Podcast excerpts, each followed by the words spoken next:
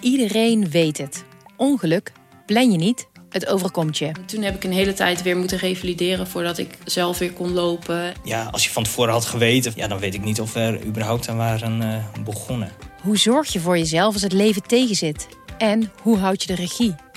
Je hoort die antwoorden in aflevering 23 van de podcastserie Zorg voor Leefkracht.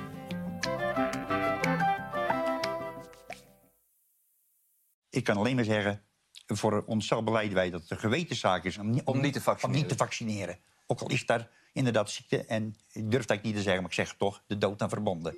Jullie willen Urk een negatief daglicht brengen, wegwezen. Je hoort geluiden uit de Bijbelbelt, daar waar de reformatorische gemeenschap in Nederland woont. Hey! Kom op zeg, als jullie mans genoeg zijn om naar de kerk te gaan, ben ik toch ook mans genoeg om hier te staan, joh. Steeds vaker komt deze wereld vol orthodoxe christenen negatief in het nieuws. Ze zijn niet langer onze eigen Nederlandse gekkies. Nee, we ergeren ons aan ze. We vinden ze bekrompen en star. Hoe kan het dat een religieus persoon meer mag zeggen dan een niet-religieus persoon? Ik heb dat nooit begrepen. Hebben we in Nederland een beeld van revo's dat klopt? En kan hun gemeenschap nog overleven? Ik ben Berendien Tittelepta en samen met Jorina Haspels trek ik de Bijbelbelt over voor een antwoord op deze vragen. We spreken mensen die radicaal andere keuzes maken dan de gemiddelde Nederlander. Zoals Henry, die gelooft dat God van hem vraagt geen relatie met een andere man aan te gaan. Er zijn geen beperkingen, het zijn gewoon eh, leefregels die God heeft gegeven, die, die goed zijn voor ons. Het staat wel, kan wel een soort haak staan natuurlijk op inderdaad het denken in, in de maatschappij, in onze westerse maatschappij, waarin je jezelf altijd helemaal moet kunnen zijn, uh, al je verlangens moet kunnen, kunnen uiten.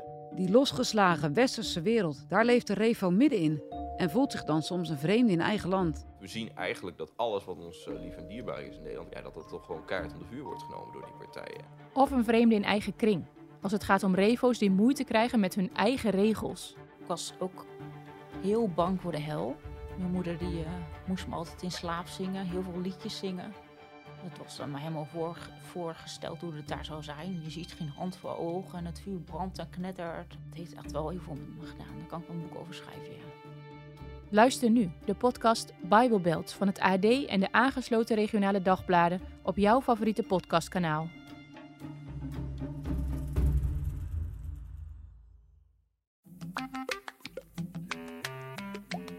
Iedereen weet het.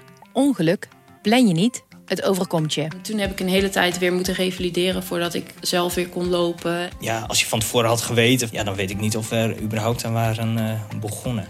Hoe zorg je voor jezelf als het leven tegenzit? En hoe houd je de regie? Je hoort die antwoorden in aflevering 23 van de podcastserie Zorg voor Leefkracht.